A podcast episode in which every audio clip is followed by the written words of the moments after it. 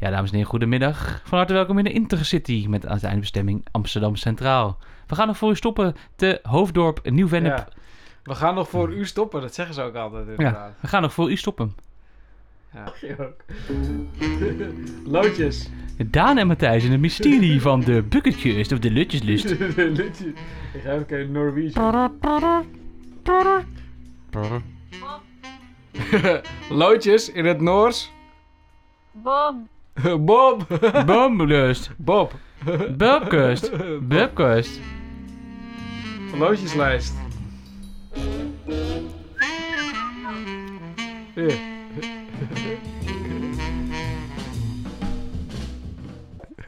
Oké. Oké, ik heb het zo warm, Daan. Ja. Komt-ie.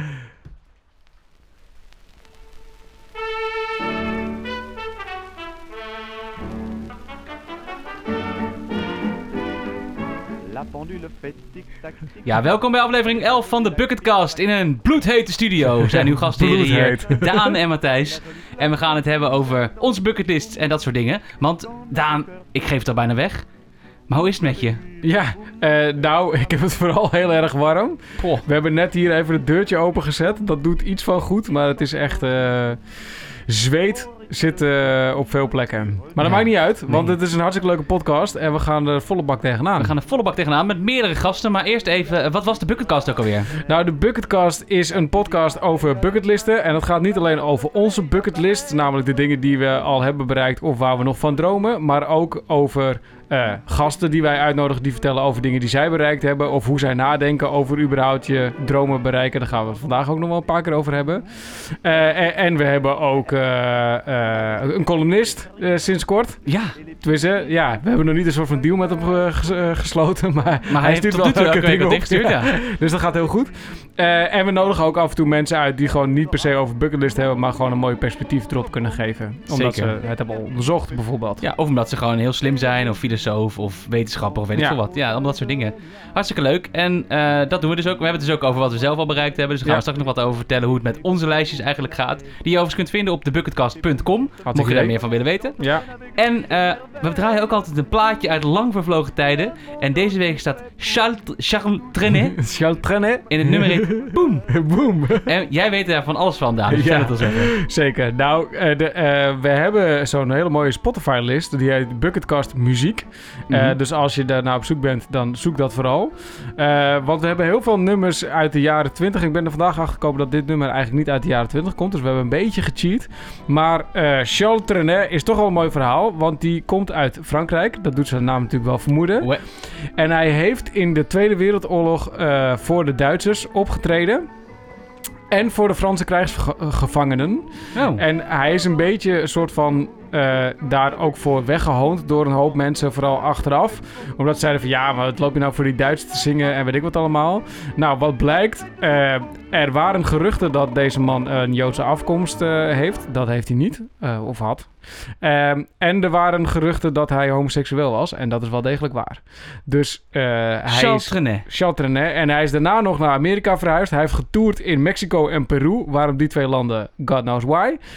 En is uiteindelijk weer teruggekomen in Frankrijk. Heeft drie keer afscheid genomen van zijn eh, actieve zangcarrière. In 1999 voor de laatste keer. Dus deze man is ook echt heel oud geworden. Eh, en uiteindelijk overleden in de plaats waar hij ooit geboren is. En ik weet niet meer welke plaats dat is. Nee, maar dat kun je gewoon opzoeken op Wikipedia. Juist. Charles Trenet. Hartstikke mooi. Door naar de dingen die gebeurd zijn de afgelopen week. Daan, Ja, wat, wat is bij jou eh, allemaal gebeurd? Nou, ik had de vorige keer.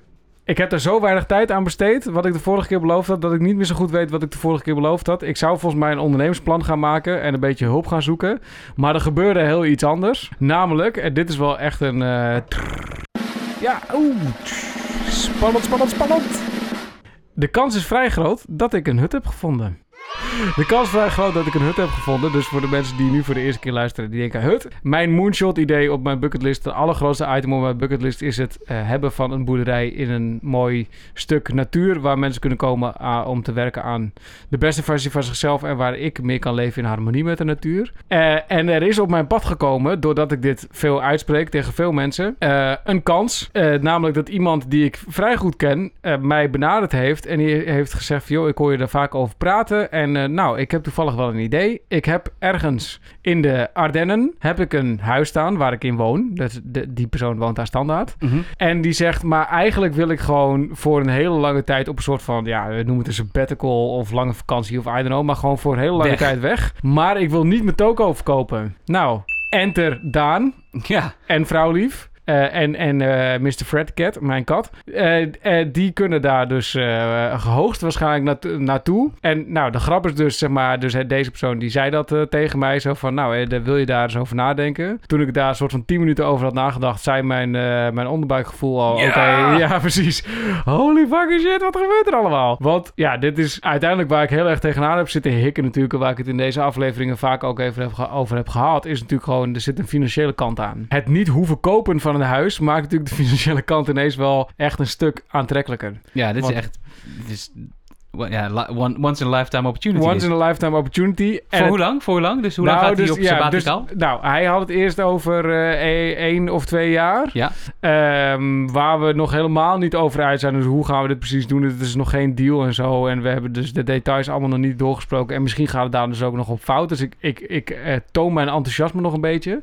Ehm, eh, maar dus dat lijkt wel echt voor een langere periode te zijn. Maar, en wat dus interessant is, dus aan de ene kant, elke keer als ik dit opnieuw aan iemand vertel, dan voel ik bij mezelf ook dat ik denk, Ik zie het ook. dude, holy shit, dit is gewoon, dit, nou ja, ik kan niet geloven dat dit op mijn pad is gekomen. Ik word er onwijs blij van. Maar het grappige is ook, als je daar langer over na gaat denken dan een dag, dan beginnen ook de stemmetjes. Zoals? Nou, zoals, ja, maar het is niet jouw huis. En Mhm. dan kan je dan niet eh, echt jouw plekje van maken. En eh, dat huis is eigenlijk niet groot genoeg om dat ene ding, wat ik ook altijd zeg, wat ik net ook zei, om daar mensen te ontvangen die dan kunnen werken aan de mooiste versie van zichzelf. En het is net iets verder dan ik eigenlijk de cirkel had getrokken rondom Utrecht. Weet je wel? Ja, dus jouw ogen ja, trekken wel Daan, ik, ik, Ja, ja, nee, maar dat is natuurlijk rollen, vriend. Wat is dit nou? Wat is dit nou? ja, nee, maar dus dat, en dat slaat natuurlijk ook nergens op. Maar het- ik vond het interessant. Is dus ik heb daar, ik kan, ik kan dat heel goed relativeren. En ook bedenken, gast, hier ga je gewoon mee werken. Want ook wat, eh, wat Elroy, eh, natuurlijk een van onze gasten, ook ons eh, ooit geleerd heeft. Sta een beetje open voor de vorm. Precies. En wat zegt niet dat je hier ook gewoon eerste ding mee kan doen? Ja. Je hoeft het niet meteen een soort van je droomhuis in Slovenië te hebben. precies. Dus het is ook, dus ik kan het ook heel goed voor mezelf relativeren. Maar ik wilde ook gewoon even de luisteraar deelgroot maken van dat op een gegeven moment dus die stemmetjes wel in mijn hoofd zaten. Die zeiden van, oh ja, nou dat is, hè, dat klopt er dan misschien nog niet helemaal aan. Of dat, dit zou nog wel spannend kunnen zijn. Of, nou, maar dat zijn allemaal geen redenen om dit niet te doen. Dus eh, holy shit, let's go, zou ik zeggen. Ja, Nou, super mooi. Dus, maar is dat dus ook de reden dat je soort van je enthousiasme nog een beetje in toom houdt? Want ik hoor je ook zeggen van ja, ik ben nog niet, ik ben wel enthousiast, maar ik behoud ook nog een beetje in toom, want het zou ook nog wel eens mis kunnen gaan. Nou ja, dus dat, hè, want ik weet ook dat dit klinkt natuurlijk allemaal heel tof, maar uiteindelijk moet je ook met elkaar afspraken gaan maken. Oké, stel je voor dat ik je huis in de fik steek. En eh, ja, ik noem maar even een random Ja, je houdt zijstraat. wel van van, de, van dingen die ik wel eens doe. Nee, geintje. nee, maar de, de- even gewoon, je moet even gewoon hele volwassen afspraken maken over, over hele wezenlijke dingen. Namelijk, eh, d- nou, dit soort dingen, hè. Dus het, eh, gaat je huis stuk of weet je wel, dus, dus dat soort dingen. En daar kom je natuurlijk uit al- allemaal wel op uit, maar misschien, zeg maar, de reden waarom deze persoon op pad wil, heeft ook te maken met het feit dat je wel of niet kunt reizen. Ja, laten we even heel eerlijk zijn. Dit, dat coronavirus, dat zit hier nog wel even. En in Europa gaat het dan een soort van semi-oké, in West-Europa. Maar er zijn natuurlijk een heleboel plekken waar je best leuk op reis kan, waar je eigenlijk niks mee kan. Billions and billions and billions and billions. Daar bijvoorbeeld. Daar, inderdaad. Dus nou ja, dus maar... De, Maar goed, de- wil je daar überhaupt zijn op dit moment? is ook niet echt een plek. Maar goed, Nee. Zuid-Amerika is ook lastig, dus ik, kan maar, ik ben het met je eens. Ja. Zeker, maar dus het is een, het is een unieke kans. Ik ben eh, razend enthousiast en, en dolgelukkig dat het überhaupt op mijn pad is Ja, gekomen. man. Ik denk ook, ja, weet je, ik ben gezond. Ik kan het. Het is op mijn pad gekomen. Het zou een soort van de ultieme white privilege zijn om nu te gaan zitten miepen over... eh, ja, nou ja, net niet helemaal eh, de juiste hut. En eh, ik weet het niet hoor. Ik heb echt zoiets dude, je zit al tiende afleveringen lang te ouwe hoeren over... en, en, en nog jaren daarvoor Ja, ook. en tien jaar daarvoor ook al. Daarom. Dus hartstikke idee, let's go. En, en ik zat ook nog te denken, stel je nou voor dat dit niet lukt, dan is het toch weer een soort van een poortje, zijn we toch weer een poortje verder. Want dan heb je toch een soort van, nu moet je eraan proeven. Dus ik moet nu proeven aan het feit of, of dit gaat lukken, zeg maar. En dan stel je nou voor dat dit dan ineens niet lukt, dan heb ik het toch aan geproefd. En dan denk ik, oh, nu weet ik ook weer iets beter hoe dit eruit ziet. Nou ja, goed, ik weet niet of het hout snijdt, maar hoe. Ik denk dat het wel hout snijdt, ja. Maar Ja, maar gaat het Mooi. erom, je moet het gewoon gaan proberen. En in dat, eh, ik, dan ga ik daar meteen maar even op aanvullen. Ik had beloofd om een liedje online te zetten, heb ik niet gedaan. Nee, ik kan er wel een stukje uit laten horen, maar dat, eh, eh, want ik heb het wel opgenomen natuurlijk. Ah. Maar ehm, eh, ik weet niet of ik dat kan doen nu live, want ik heb het namelijk niet... Even kijken, nee, dat kan nog niet. Knip verder straks. Nou, misschien dat ik een stukje inknip. Als het leven je om de oren slaat. Als het echt gewoon even niet meer gaat. Als ik dan ook nog tegen jou aanpraat. Komt het nog goed? Komt het nog? Dat heb ik wel gedaan, maar ik heb het gewoon niet gedeeld, omdat ik het gewoon en te spannend vond. Maar ik heb ook weer aan de lijve ondervonden afgelopen week hoe makkelijk ik me laat meeslepen in de waan van de dag. Het is in één keer weer druk op werk. Eh, ik heb één keer weer heel veel te doen. Ook hele toffe dingen. Dus ook omdat ik dus heb aangegeven dat ik radio maken leuk vind, maak ik dus ook heel veel radio voor klanten. Beetje slachtoffer van mijn eigen succes daar ook in. Dus aan de ene kant heel tof, maar aan de andere kant ben ik ook weer gemerkt van... Ja, je moet ook dus wel weer keuzes gaan maken. Dat vind ik dus nog wel een lastige aan deze. Er komen nu allerlei dingen op mijn pad in die droom. Dromen eigenlijk. Het is een beetje een audiodroom, Ja. hè, waar radio de grote, de grote boventoon invoert. Maar ook bijvoorbeeld het ehm, zorgen voor een soundtrack voor een groep 8 musical filmpje. Waar ik, wat ik ook nog wel ga doen. Maar er zijn nog een aantal andere dingen zijn er zo gekomen. Een aantal audio, nog een podcastserie gemaakt voor het afscheid van de oprichters van ons bedrijf. Nog een, nog een podcastserie daarvoor gemaakt. Gewoon echt uren en uren werk. En ik merk wel dat ik op zoveel dingen ja heb gezegd en zo enthousiast ben geworden. En dat herken ik wel van mezelf. Dat ik daar dan overal ingedoken ben. Dat ik nu ook af en toe even denk, oeh, dit is wel heel erg veel. Ja. En, het, en, en het maakt ook dat de dingen die ik echt heel graag wil doen, een beetje in het gedrang komen. Plus het maakt ook dat de dingen die ik ook heel belangrijk vind, zoals mijn gezin, ook in het gedrang komen. En daar Ah. baal ik gewoon wel een beetje van. Ja. Eh, dus dat ga ik niet, gewoon niet meer doen. Dat is één. Eh, en, maar wat wel gebeurd is in de afgelopen weken, en ik heb daar al een beetje naar gehint. Ik heb natuurlijk dat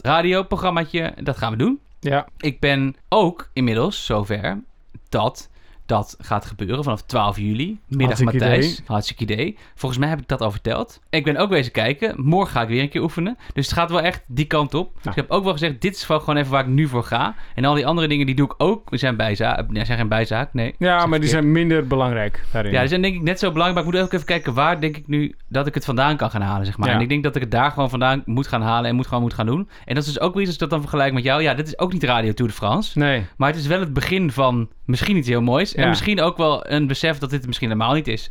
Prima ook, hè? Ja. Maar je hebt gewoon een radioshow. Ja, radioshow. Middag Matthijs op Eva, luistereva.nl. Elke zondag vanaf 12 juli van 12 tot 2. Ook als ik met vakantie ben, want ik kunt van tevoren opnemen. Kan gewoon op de radio. Hartstikke leuk.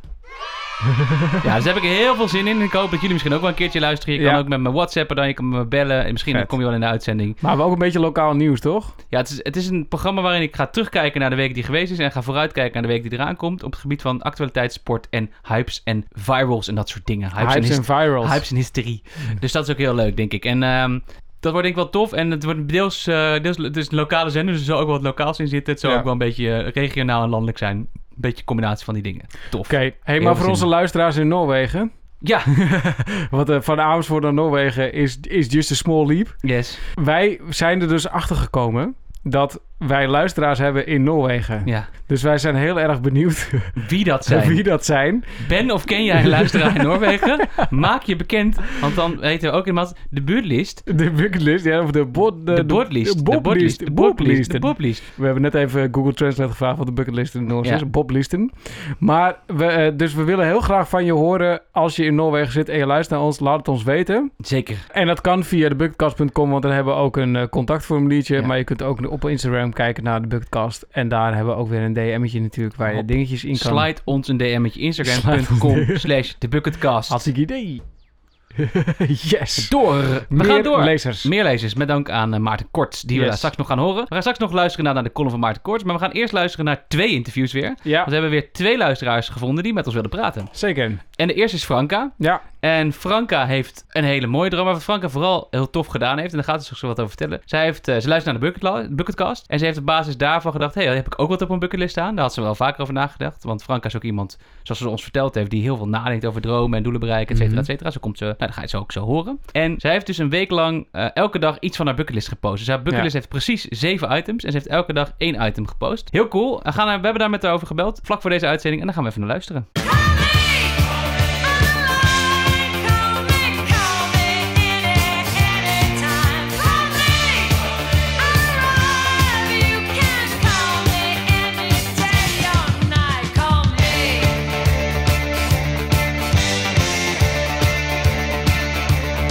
Welkom Franka in de Bucketcast, aflevering 11. Leuk dat je er bent. Bij jou, eh, nou ja, na het succes van onze gasten vorige week hebben we ook gezien dat jij eh, nou ja, heel erg aan het bucketcasten was. Daar zijn we wel heel benieuwd naar. Maar allereerst, eh, hoe ben jij met, met bucketlisten in contact gekomen? Toch niet via onze podcast, hè?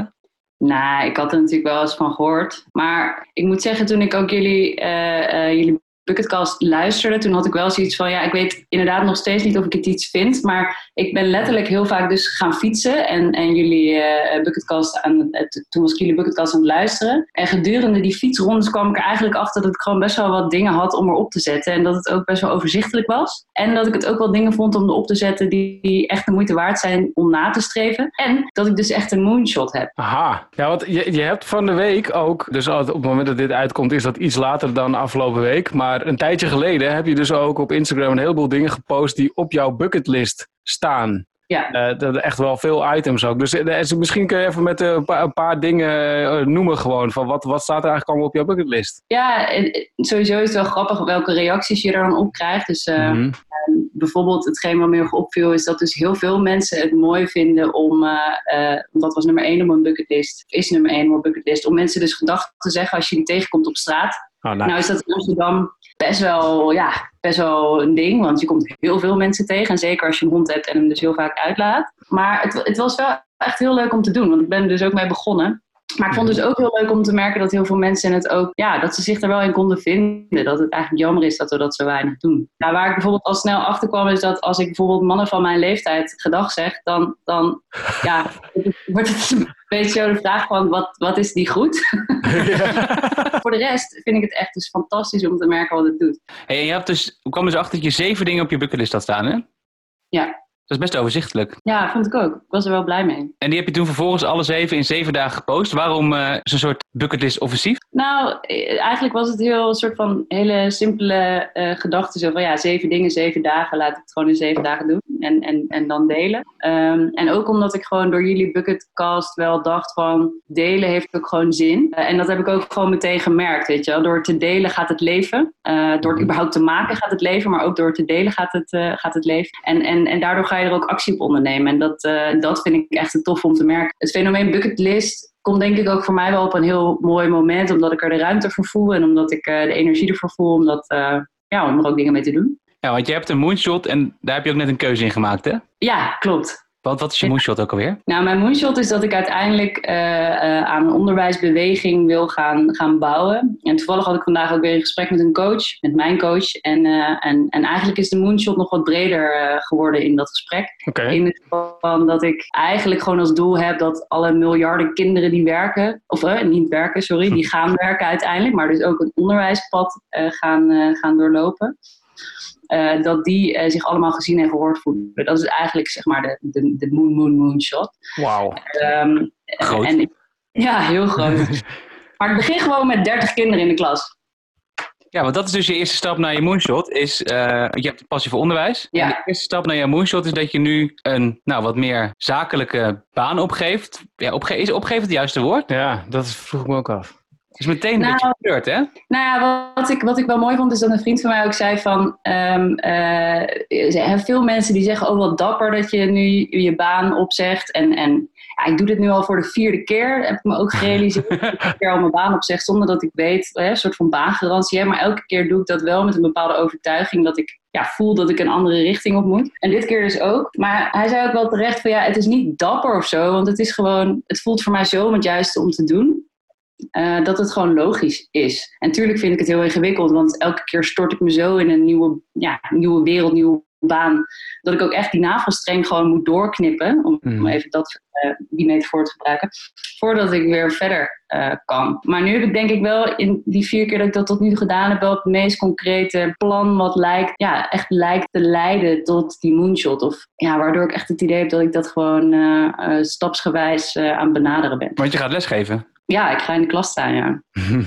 en, en hoe groot is dit contrast met het werk wat je nu doet? Want we hebben niet eh, de luisteraar die jou niet kent, die denkt: oké, maar Franka, eh, hoe groot was die stap dan, zeg maar, naar het onderwijs? Want ja, eh, hè, dus kun je daar iets over vertellen? Ja, nou ja, ik heb, ik heb denk ik wel door, eh, door eh, eh, mijn werk, wat ik nu nog steeds wel doe, en eind juli mee gaan stoppen. Maar dat is, dat is ook wel in het onderwijsveld. En dat heb ik ook wel gecreëerd in die omgeving. Maar het is wel allemaal vanuit de bedrijfsvoering kant. Dus heel erg Mhm. vanaf vanuit de zijlijn meedenken. Toch in een bepaalde manier een soort adviserende of meedenkende, meedoenen rol, meedoerrol. Ehm, eh, maar ik had zeker door deze coronatijd zat ik letterlijk achter mijn laptop en ik was ook nog eens onderdeel van, eh, van een crisisteam waar eh, eh, ook weer dus van de zijlijn ik bezig was met het continueren van het onderwijs in deze tijd. Mhm. En ik dacht, ja, wat ben ik nou vanaf mijn laptop hier aan het doen? Ik moet daar zijn. En dat had ik gewoon nog nooit zo sterk gevoeld. En al helemaal nog nooit de gedachte had dat ik dan echt letterlijk in de klas zou, zou willen staan.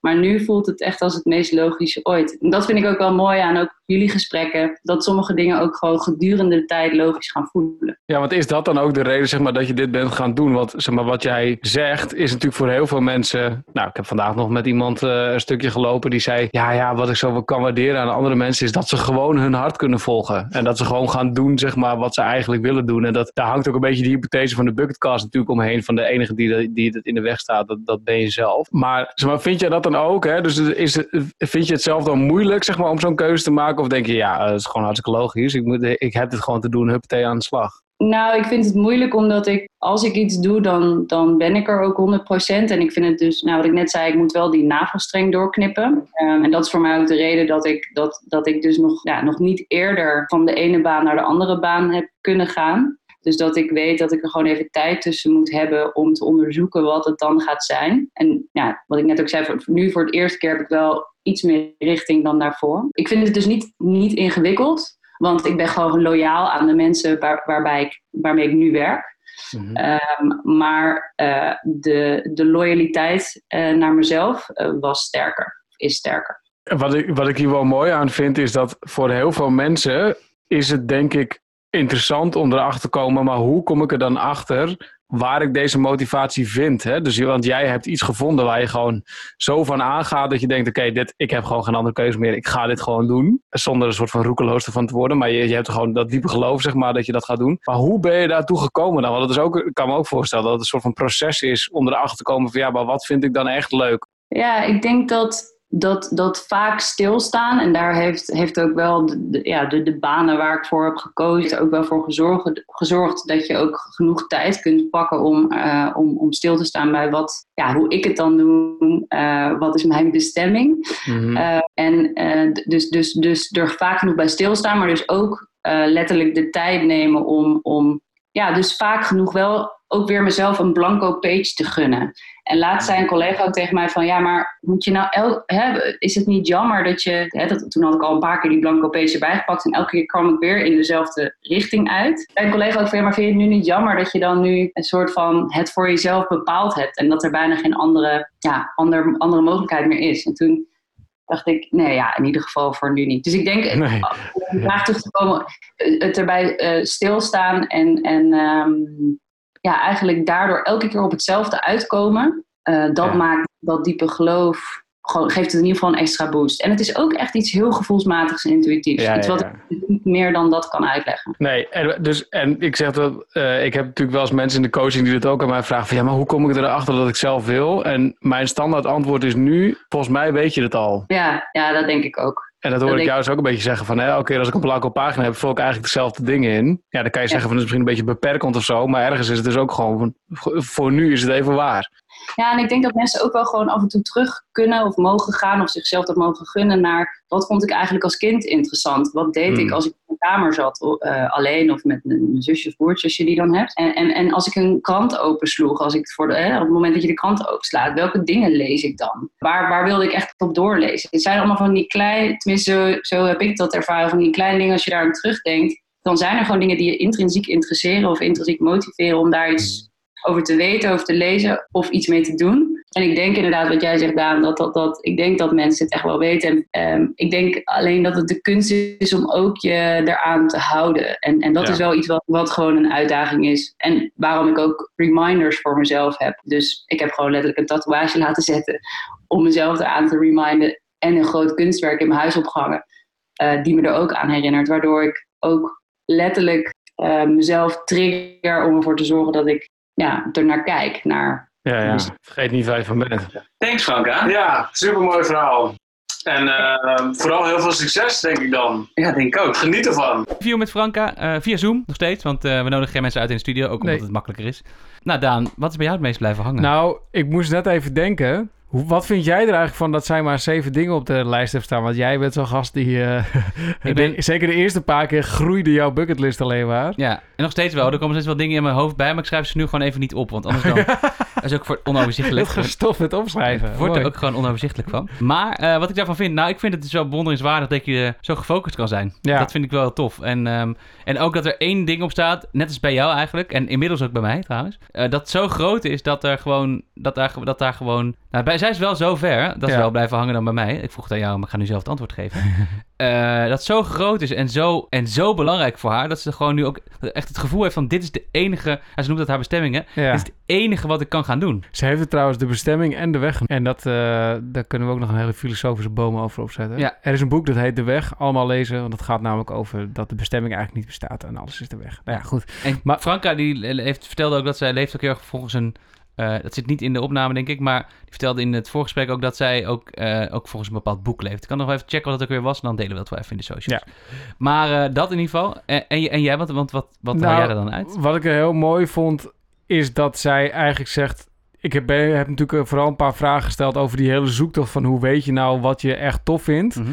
En als je dat dan eenmaal weet, hoe ga je dat dan doen? Maar wat ik heel mooi vond aan haar verhaal is dat als je op een gegeven moment zo goed weet wat je wil, dan is dat hoe ga je dat doen helemaal niet meer de vraag, zeg maar. Of of je het gaat doen is niet helemaal niet meer de vraag. Hoe dan misschien dan nog wel, want er zitten wat haken en ogen aan. Want zij heeft ook de banen moeten zeggen en moet dan een crash course en een assessment en I don't know what eh, om, eh, om eh, voor de klas te kunnen staan. Maar ik vind het dus wel heel tof dat je dus dat zij, wat ik dat resoneert onwijs bij mij, omdat ik denk, oh ja, zo voelt het voor mij ook. Zeg maar, dit is Ja. zo'n. Dus Precies je, de vraag die ik aan je had. je Voelt kunt het inmiddels voor jou ook zo? ja, je kunt zo.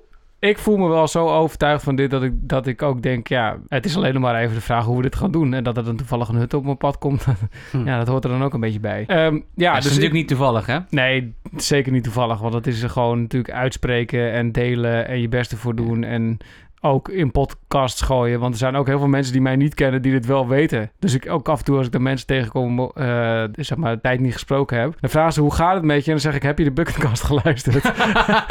dan weet ik een beetje hoe ver ze up-to-date zijn. Ja, nice. Nou ja, maar goed. ik spreek dus- ook nog wel eens mensen die nog bij aflevering 4 zijn. ja, precies. zeggen, hoe gaat het met je? Dan zeg ik, ja, moet je even verder luisteren. maar dat zeiden. Ja, maar dus, dus Franka, wat ik mooi vond aan Franka is dat het dus een soort van... En dat lijkt ook dus ook een beetje een rode draad te worden in mensen die we spreken over het doen van bucketlist. Want ook Thomas, weet je wel, die in Georgië belandt, maar dus eigenlijk gewoon op zoek was naar bergen. Dat daar zo overtuigd van zijn dat hij ook een soort van twee keer door het land is uitgespuugd en toch weer terugkomt. Weet Ja. je wel? Dus dat is ook een soort van bijna Eh. naïef optimisme om er gewoon mee door te gaan. Ja, en vorige week natuurlijk, onze musicalman, Dirk, die ook gewoon drie keer gewoon in zijn, in zijn, in zijn bek Ja. gespuugd is door de cast van Soldaat van Oranje. En gewoon terug blijft komen. Ja, dus het is, ik vind het mooi dat Franka dat ook weer even in het verhaal van Franka zit voor mij het meest gewoon. Je kunt ergens super van overtuigd raken. En alle mensen die nu op zoek zijn en die denken: ik weet niet zo goed waarvan ik ben, je weet het wel. Ja, dat is super mooi, toch? Ja. Daarover gesproken, daar hebben we nog iemand over gesproken. Want we hebben dus twee luisteraars gesproken. Ivo. Ivo, Ivo is via jou gekomen. ja, ik ken hem. Ja, jij kent hem. Ik ken hem vrij goed eigenlijk. Ja, je kent hem vrij goed. En Ivo heeft een beetje een filosofische inslag, maar die heeft ook drie vragen die hij met ons wil delen, die echt belangrijk zijn om te bepalen waar je echt van bent.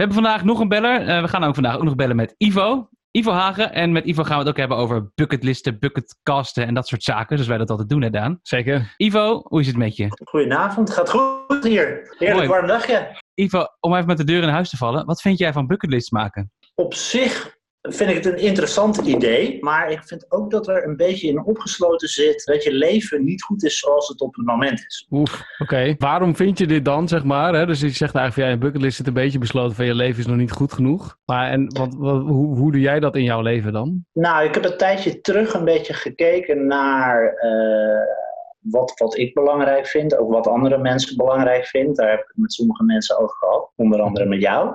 Ja. Daar kwam ik eigenlijk tot de conclusie dat de meeste mensen identificeren vaak thema's in hun leven die belangrijk zijn. Dus eh, veel in de natuur leven, eh, goede work-life balance, eh, eh, eh, genieten van dingen met de mensen om je heen. Mhm. Allerlei van dat soort eh, dingen, eh, goede ideeën verspreiden. En dat dat eigenlijk vaak de overhand heeft ten opzichte van eh, fysieke dingen doen. Dus eh, weet ik veel, ik wil ooit nog een keertje bungee jumpen. Ja, ja. En ik heb het idee dat bucketlists vaak toegaan naar veel meer naar eh, ik wil nog een keertje bungee jumpen of uit het vliegtuig springen of whatever. Terwijl uiteindelijk dat, voor wat ik in ieder geval begrepen heb, voor de mensen niet betekent dat ze een goed, leuk en eh vervullend leven hebben. Nee, dus, maar dus eigenlijk zeg je van als je een paar van die dingen kan identificeren in je eigen leven, wat, zeg maar, wat voor jou belangrijke waarden of zo, hè, dus een beetje drijfveren Ja. zijn, en je leeft daar langs, dan heb je het gelukkigste leven. Dus daar hoef je eigenlijk niet voor te bucketlisten. Ja, eigenlijk wel. En dan kan je het alsnog wel een klein beetje inzetten, omdat het geeft je wel bijvoorbeeld eh, jouw eigen idee is eh, om een boerderij te gaan, eh, te gaan doen in the middle of nowhere. Ja, dat, dat is wel iets waar je naartoe werkt en dat is ook een groot iets. Dat Mhm. is denk ik op zich best een prima ding om op een bucketlist te zetten. Maar inderdaad, het is ook wel weer zo, wat er dan eh, twee weken geleden weer voorbij kwam, van ja, wat nou als je het niet redt? En dat jullie eigenlijk allebei zeiden van ja, dat is helemaal geen optie. Heb jij wel dit soort dingen die je graag zou willen bereiken of die al bereikt hebt? Nee,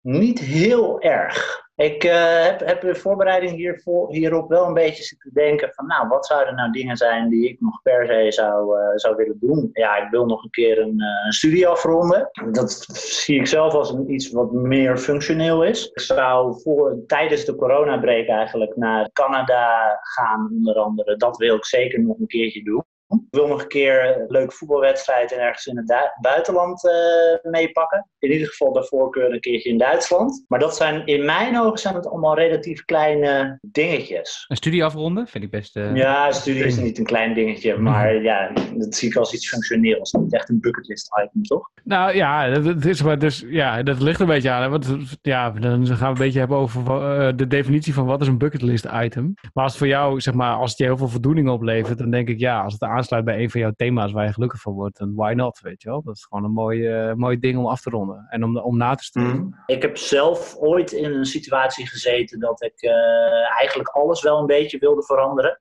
Constant. Toen ben ik ook sterk tot de conclusie gekomen dat vrede hebben met de dingen die je nu hebt ook wel een heel belangrijk, heel belangrijk onderdeel is van het leven. Wanneer kom je op dat punt?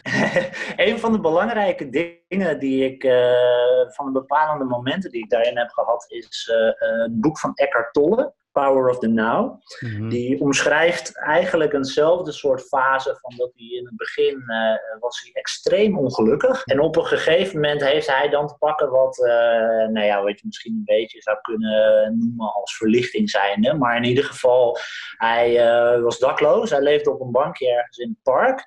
En hij was extreem gelukkig. Het was gewoon echt een, een extreem gelukzalig gevoel. En ja, er is geen enkele reden om dat niet te kunnen hebben als je leeft op een bankje in het park. Behalve dan als je dat als belangrijke maatstaf ziet om ongelukkig te zijn, toch?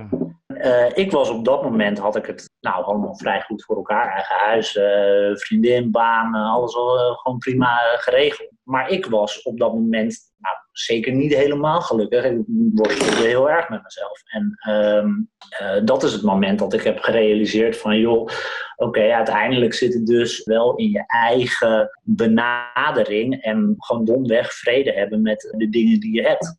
En daarbij neer kunnen leggen van tijd tot tijd. De- ik heb dan sterk de neiging om te zeggen, dus onze hypothese van de bucketcast die klopt eigenlijk. Hè? Dus de enige die in je weg staat, ja wij zeggen dan altijd de enige die in je weg staat om je bucketlist te bereiken. Maar eigenlijk zeg je daarmee misschien ook de enige die in je weg staat om gelukkig te worden, dat ben je misschien wel zelf. Ja, Je zei, ik heb een paar eh, gesprekken met mensen gevoerd Ja. om eh, erachter te komen van wat ze nou eigenlijk, eh, ja, wat maakt nou dat de mens wel of niet gelukkig is en hoe, hoe werkt Ja. dit aan? En ik denk dat deze vragen voor onze luisteraars ook wel, nou, daar kan je nog wel even op kouwen, zeg maar. Dus Ik weet niet of je ze paraat hebt. Volgens mij wel. Eh, Ja, ik heb ze voor je praten. Ik ga er even voor zitten. Take it away. Wat, wat zijn de vragen? Oké, het zijn er drie. En de allereerste is, waar sta jij voor? En dat bedoel je niet. Twee- Dus daar bedoel je mee van, zeg maar, wat vind je soort van belangrijk in het leven dan toch? Hè? Dus wat is de. Ja, dan heb je het echt een beetje over je waarden. Eh, Ja. Dus eh, weet ik veel, vind jij het belangrijk om eh, armoede de wereld uit te helpen? Of eh, belangrijk om altijd klaar te staan voor je kinderen of je collega's? Of, dus, dus echt zeg maar de waarde van hoe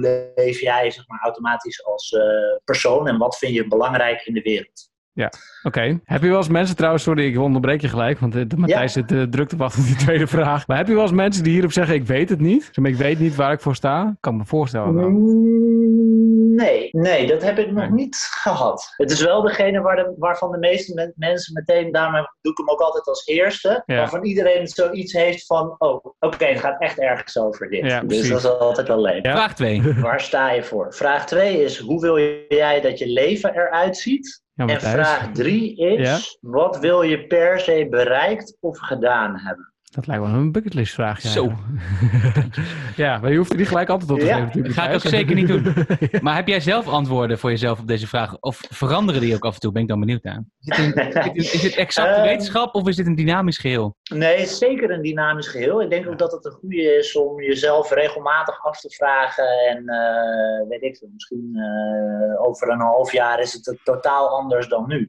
Maar het was voor mij wel een heel goede manier om te identificeren wat, wat ik gewoon domweg belangrijk vind. Het per se bereikt of gedaan hebben, ja, dat is voor mij in ieder geval het lastigste gedeelte. Ik vind dat niet per se makkelijk om te identificeren. Dus die bucketlist items die komen bij mij zeg maar niet natuurlijk naar voren. Daar moet ik echt wel een beetje werk voor doen. En ja, ik heb zelf ook een beetje last van eh, dingen doen waarbij ik dan niet zeg maar per se trollen heb over het eindresultaat. En dat is bij bucketlist eh, vind ik dat erg lastig. Ja, ja. Dus je hoopt, zeg maar, dan wat je gaat doen, dat je ook het eindresultaat kan voorspellen. Juist. Ik Ja. moet hier even op kouwen, denk ik. ja.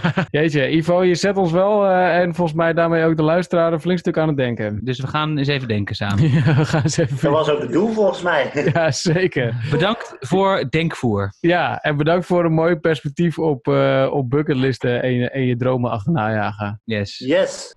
Ons gesprek met Ivo en de drie vragen. Ik ben er nog steeds op aan het. Ja.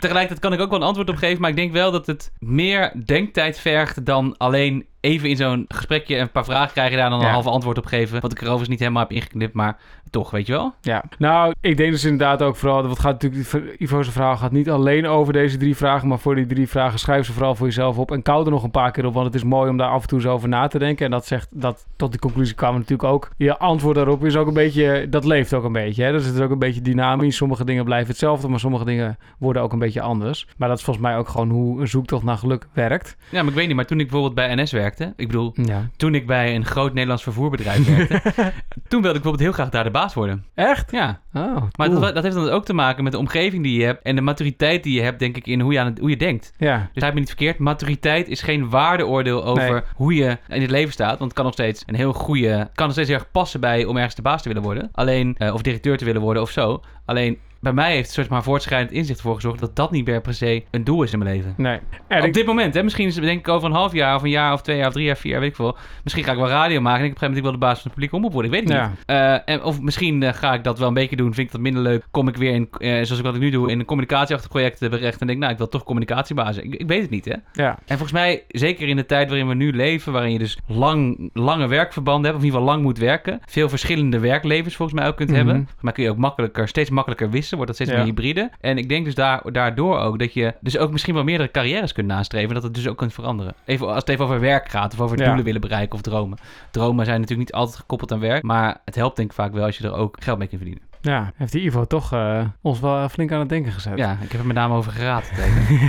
Heb jij nog iets over te zeggen? Nou ja, zeker. Wat, dus wat ik ook veel mooi vind aan Ivo's verhaal, wat hij ook beschrijft, dat, hij, dat deze zoektocht is ook een beetje, daar, daar is hij al heel lang mee bezig. En dit is ook een beetje wat gewoon in zijn, in zijn aard zit, om dit soort vragen te stellen aan mensen.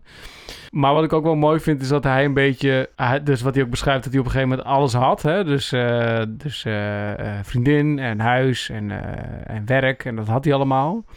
En dat hij op een gegeven moment daarna een soort van hele lastige periode heeft gehad. Maar dat het dus eigenlijk helemaal niet uitmaakt hoe, hoe, of je daar nou wel of niet gelukkig van wordt. Want het enige die ze daar een soort van invloed op heeft, ben jij zelf. En niet dat huis of dat werk of die vriendin. Nou, interessant, hè? En dat Terwijl, huis, ook, terwijl ik ook wel eens mensen hoor zeggen... zeg, je hebt soort van drie vastigheden in het leven. Namelijk een relatie, een huis en een baan. werkwijfwoning, Ja. De drie W's. De drie W's van Daan van Dit. zijn niet van mij. Oh, van andere, van andere Of mensen. van andere mensen. Ja, in ieder geval, dus die drie dingen. En als je er eentje kwijtraakt, dan zet je leven enorm op kop. Ik Ja. denk dat dat nog steeds wel zo is overigens. Zeker. Dat, maar dat heeft dus in ieder geval volgens Ivo, en ik denk dat ik het daar misschien wel een beetje mee eens ben, eh, niet per se invloed op je geluk. Nee. Want die drie dingen kunnen namelijk je geluk ook in de weg staan. En ik denk ook dat ik ben de laatste tijd ook veel bezig met mindfulness. En dan niet, zeg maar, voor de mensen die nu denken... oh god, die gast zit de hele dag in zijn kamertje een beetje te ademen.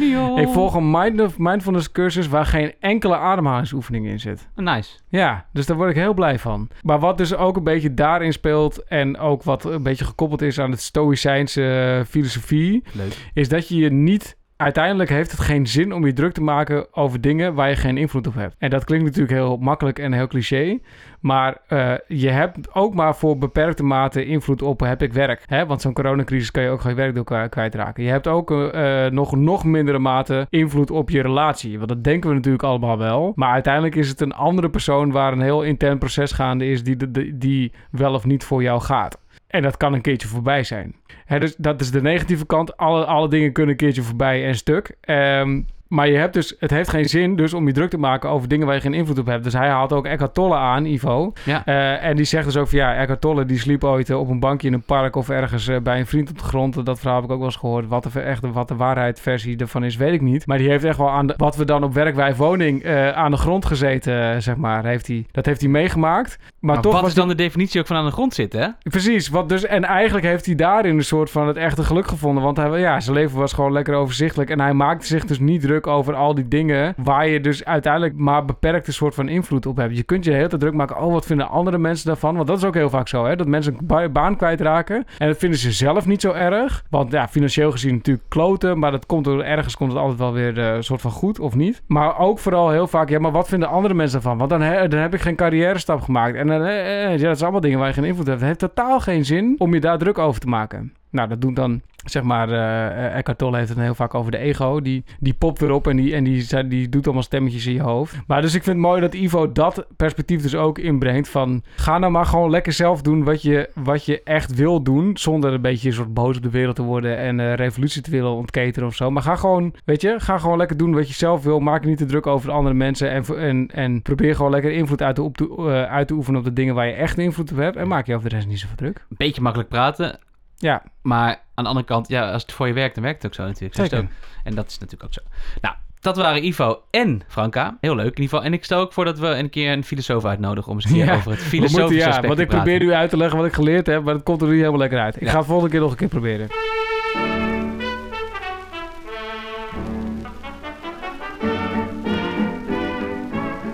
Knippen Ja, eruit. rondje van de luisteraars. Rondje van de luisteraars. Dat is leuk. We hebben al twee luisteraars gesproken. Ja. Leuk ook, denk ik, om te weten dat Dirk, die we vorige keer weer aan de lijn hadden, dat hij weer gaat spelen. Heeft Ja. hij mij verteld. De Soldaat van Oranje gaat weer beginnen. Hebben we beloofd om, we beloofd om te komen. Eh, dus dat gaan we ook doen. En misschien Ja. nemen we ook wel een stukje gewoon op als we daar zijn. Oeh, dat is leuk. Dat. Ja. Dat kan, denk ik. En eh, rondje van de luisteraars. We hebben dus een luisteraar uit Noorwegen, maar dat hebben we al verteld. Ja. En mijn nichtje die in Portland woont, die overigens terug naar Europa komt, naar Nederland. Ze zoekt nog een huis in Utrecht. Laat me even weten als je een huis voor haar hebt. En haar vriend, man en hond. En hond inderdaad. Eh, man en hond moet ik zeggen, Bart en, eh, Bart en Hanna. En zij vond het ook heel leuk dat wij eh, nog tijd hebben besteed aan het stukje, zeg maar, privilege. En juist in deze tijd ook. Ik ehm, heb het toen al heel erg gedaan en ik merk ook steeds in deze tijd dat ik een heel erg voortschrijdend inzicht heb op dit moment over mijn eigen privileges. ja. Die ik eigenlijk nooit, nooit zo heb gezien. Dus bijvoorbeeld, nou, dus wat, wie dat wel treffend zei, vond ik. Ja, Mark Rutte zei het een beetje treffend. Maar wie het meest treffende zei afgelopen weken in de, in de Zwarte Pieten discussie, dan met name was Erik van Muiswinkel. Die zei: Ik ben 18 jaar hoofdpiet geweest. Oh ja. En ik heb nooit beseft dat ik mensen daar pijn mee heb gedaan. Ja. Omdat dat gewoon niet in mijn hoofd opkomt dat dat, dat dat een perspectief was. En ik denk dus dat dat voor mij ook wel een blinde vlek is in die zin. Dat ik, ja, ik besef wel dat ik geprivilegeerd, gepri- dat ik een privilege heb. Ja. Omdat ik heb kunnen studeren. Dat ik daar ook ondersteuning van heb gehad in mijn ouders, financieel. Ja. Eh, gelukkig opgegroeid ben in een leuk gezin, in een leuk dorp. En daarna heb kunnen studeren, in verschillende steden heb gewoond. Altijd wel prima banen heb kunnen doen. Ik besef dat wel, maar ik besef niet nog zo goed, denk ik, hoe lastig ook andere mensen dus soms hebben met bepaalde dingen. Ja, Het gaat al over bijvoorbeeld hoe, vrouwen, hoe met vrouwen omgaan wordt op de werkvloer. Of met Zeker. mensen van de niet-westerse achtergrond. Of met mensen van kleur. Ik denk dat, daar, dat, ik echt niet, dat ik echt nog steeds onvoldoende besef hoe zwaar dat is. Ik sprak laatst ook iemand die zei van ja... eh, die, is, die is heel eh, druk bezig met zeg maar, de positie van vrouwen. ja. En zij is zelf een vrouw. En zij zegt ook, ja, jij beseft- jij beseft niet hoe erg ik bezig ben met bepaalde dingen op de kaart krijgen. En hoe belangrijk ik dat vind. En hoeveel last wij kunnen hebben van het feit dat dat, dat, dat voor mij meer energie kost. En ik, en ik zou dus vroeger gezegd hebben, ongeacht of dat waar is of niet. Maar dat is dus ook het perspectief waar je dan in leeft, denk ik. Eh, en mijn perspectief is anders, maar dat komt ook omdat ik dat andere perspectief dus heel lastig kan zien. ja. En dan vind ik dus in deze bucketcast dat ik ook steeds wat voortschrijdend inzicht heb daarover. Ik weet hoe dat bij jou is. Nou, zeker. Want ik zit me net, terwijl je dit zit te vertellen, af te vragen. Stel je nou voor dat ik een, eh, een eh, eh, ik noem even een eh, random zijstraat, een Marokkaanse eh, jongen was. Ja. Eh, Hè, dus eh, met eh, ook volledige Marokkaanse naam en eh, nou, dus alles erop en eraan. Zou ik dan nog steeds mijn business zo kunnen draaien zoals ik dat nu doe? Vraag ik me er echt, Goeie echt vraag. ineens af. Ja. Want ik Zal denk, ik een eerlijk antwoord geven? ik denk, ik het niet. Nee. Ik denk niet dat grote organisaties jou gaan inhuren om... eh, en dat vind ik echt een heel vervelende constatering die we nu doen, ook over. Ja, want ik vind dat het dat echt, een dat beetje doet me ook een beetje pijn, zeg maar, dat ik denk van holy shit, dat zou gewoon echt wel eens waar kunnen zijn. Ja. Je, maakt, eh, je wordt er geen mindere coach van of zo, hè? Nee, Maar ik moet eerlijk zeggen dat ik in de wereld waar jij zit, maar ook waar ik veel in werk, relatief weinig mensen daarin tegenkom. En ik Ja. denk niet dat dat komt omdat het mensen, dat mensen dat niet nee, willen. natuurlijk niet. Nee. Wow. Er zijn ongetwijfeld culturele aspecten in te vinden waarom je dit ook anders kunt uitleggen. Maar Ja. ik denk ook dat als er nu een jongen met een Marokkaanse naam of, een, of iemand van kleur graag dit zou willen, eh, coach zou willen worden, dat dat best eens ingewikkeld zou kunnen zijn. En ik denk dat wij het er nu over hebben, dat dat weer bijdraagt aan misschien het besef dat het zo is. En dat misschien juist mensen nu ook wel denken, misschien moet ik dat juist wel gaan doen. Ja. En vroeger heb ik ook wel gezegd, dat vind ik verkeerd. Maar ik vind, het steeds, ik vind steeds meer dat helemaal niet verkeerd. Want je moet ook gewoon het voorbeeld geven dat dat, dat, dat kan. En Ja. dat dat past. En, dan, en, en, en dat is alweer best een paternalistische opmerking, dat dat kan. ja. Echt ingewikkeld. Je moet enorm Ja. op je woorden letten in zo'n Ja, discussie. zeker. ik vind het ook, eh, dat vind ik ook. ook omdat er geen ruimte voor nuance is, weet je wel? Nee, dat vind ik ook lastig. Maar de, en ik zit dus ook te denken, want we hebben het natuurlijk over dat privilege gehad, maar nu door de Black Lives Matter discussie wordt dat privilege ook weer in voor een ander eh, licht geplaatst. Mhm.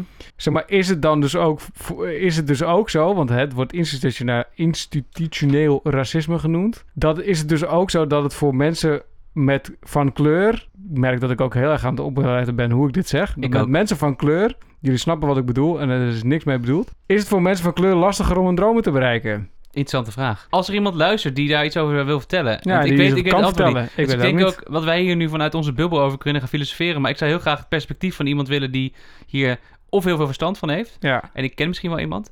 eh, of, eh, bedenk ik me net. ja, ja. Of, of iemand die dit zelf meemaakt. Ja, maar we gaan er even geen, we gaan er geen politiek ding van maken. Het blijft wel de bucketcast, zeg Nee, het maar. moet niet politiek worden, maar ik vind dat perspectief dus wel interessant. ja, Dus- zeker. Maar dus het gaat dus alleen om het perspectief. Zeker, Dus maar volgens mij laten wij ook zien dat er heel veel verschillende perspectieven zijn op dit onderwerp. Dan leggen we dit perspectief, hebben we dat natuurlijk een keer eerder ook al neergelegd en Ja. nu weer.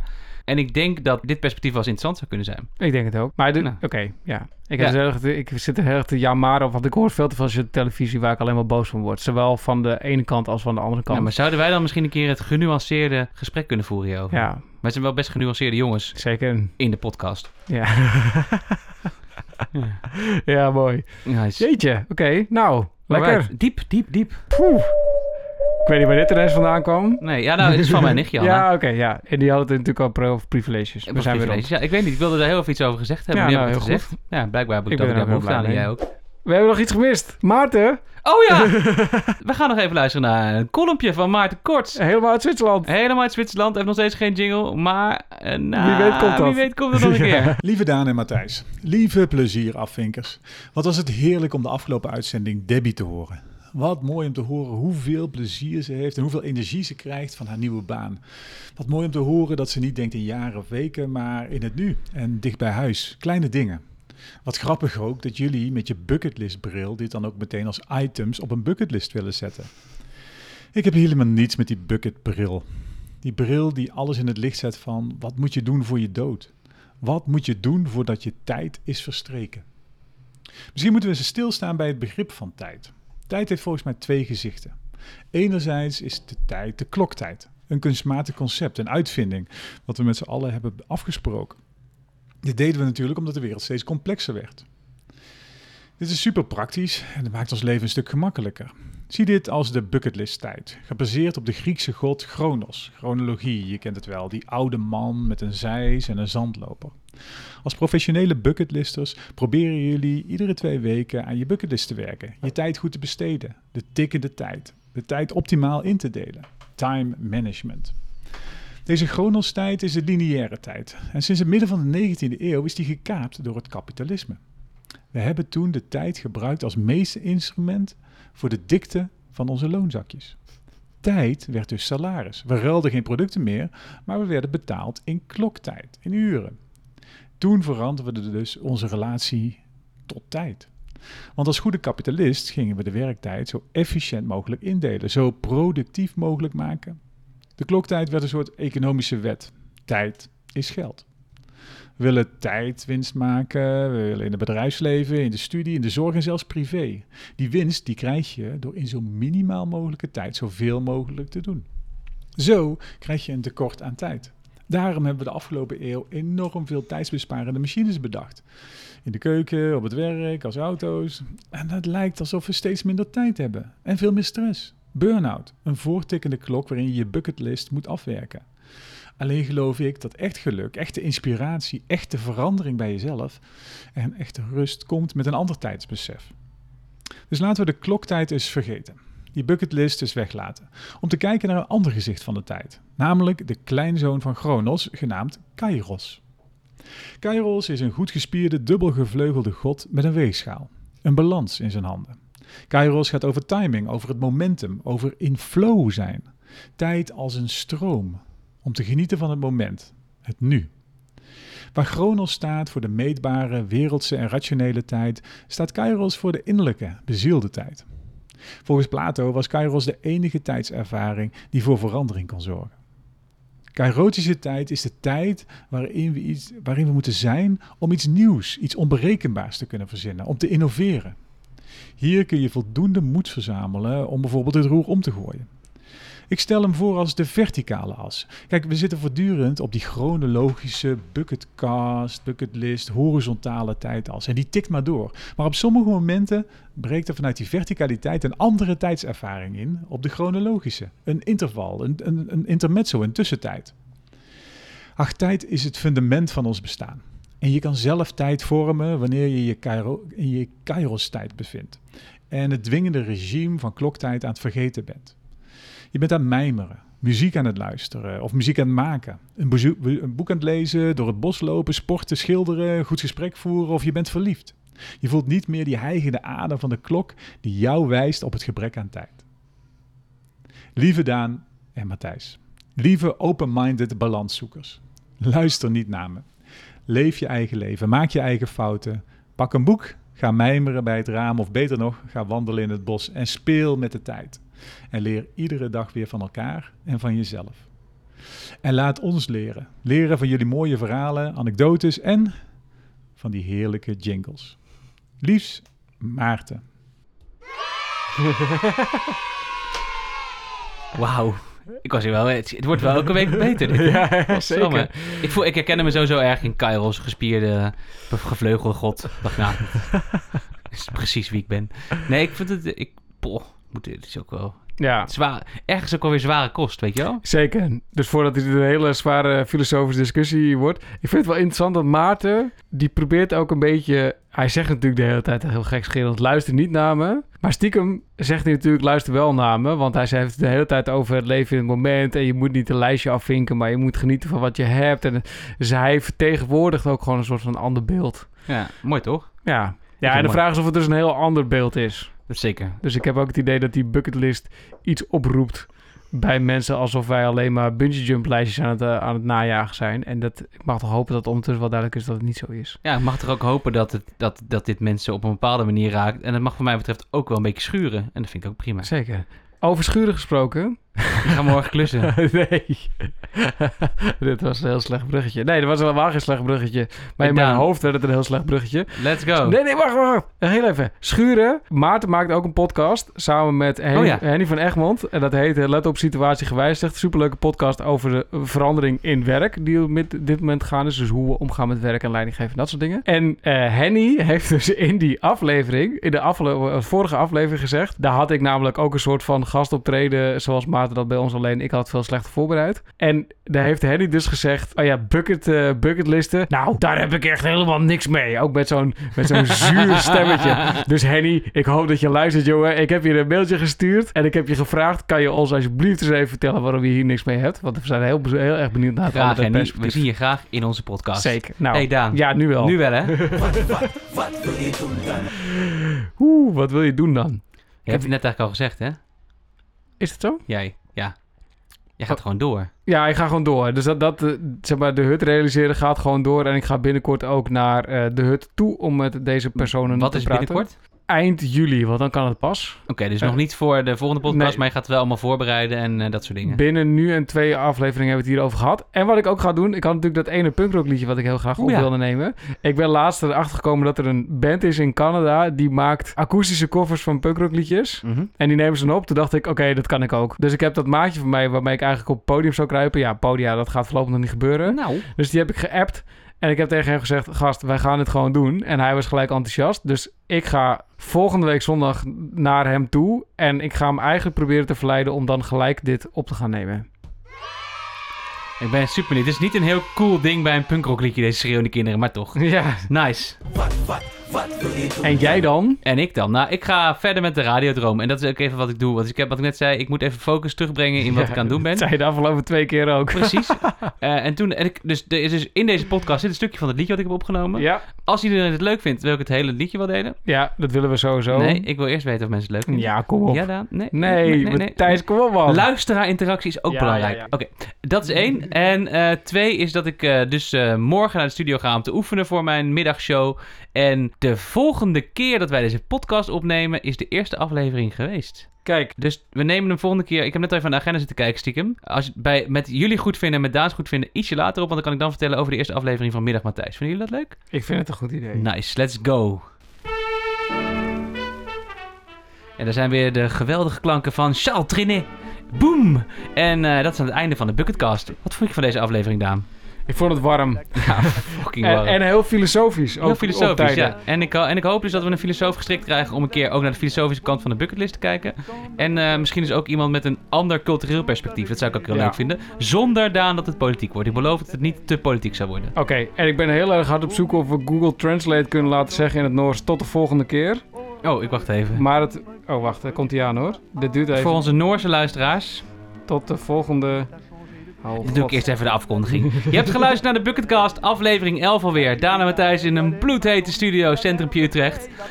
Als je meer van ons wilt weten, ga dan naar thebucketcast.com of instagram.com slash thebucketcast. Je kunt ons vinden in al je favoriete podcast apps. Luister je via Apple Podcasts, geef dan even 5 sterren of zoveel als je het waard vindt. En laat even een recensie achter. Luister je via Spotify, deel het dan even via Instagram, via Facebook, via WhatsApp. En whatever je allemaal kunt delen met je familie, et cetera, et cetera. Als je vaak genoeg deelt, dan word jij een vriend van de show. Yes! Dit was het voor deze week. En namens iedereen, namens Daan, maar voor ons, vooral volgens de stem van Google. Til Hva? neste gang, vi vil gjerne høre fra deg.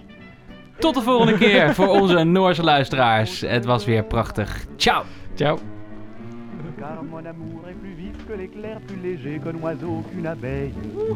Et s'il fait boum, s'il se met en colère, il entraîne avec lui des merveilles. Boum, le monde entier fait boum, tout avec lui dit boum, quand notre cœur fait boum boum.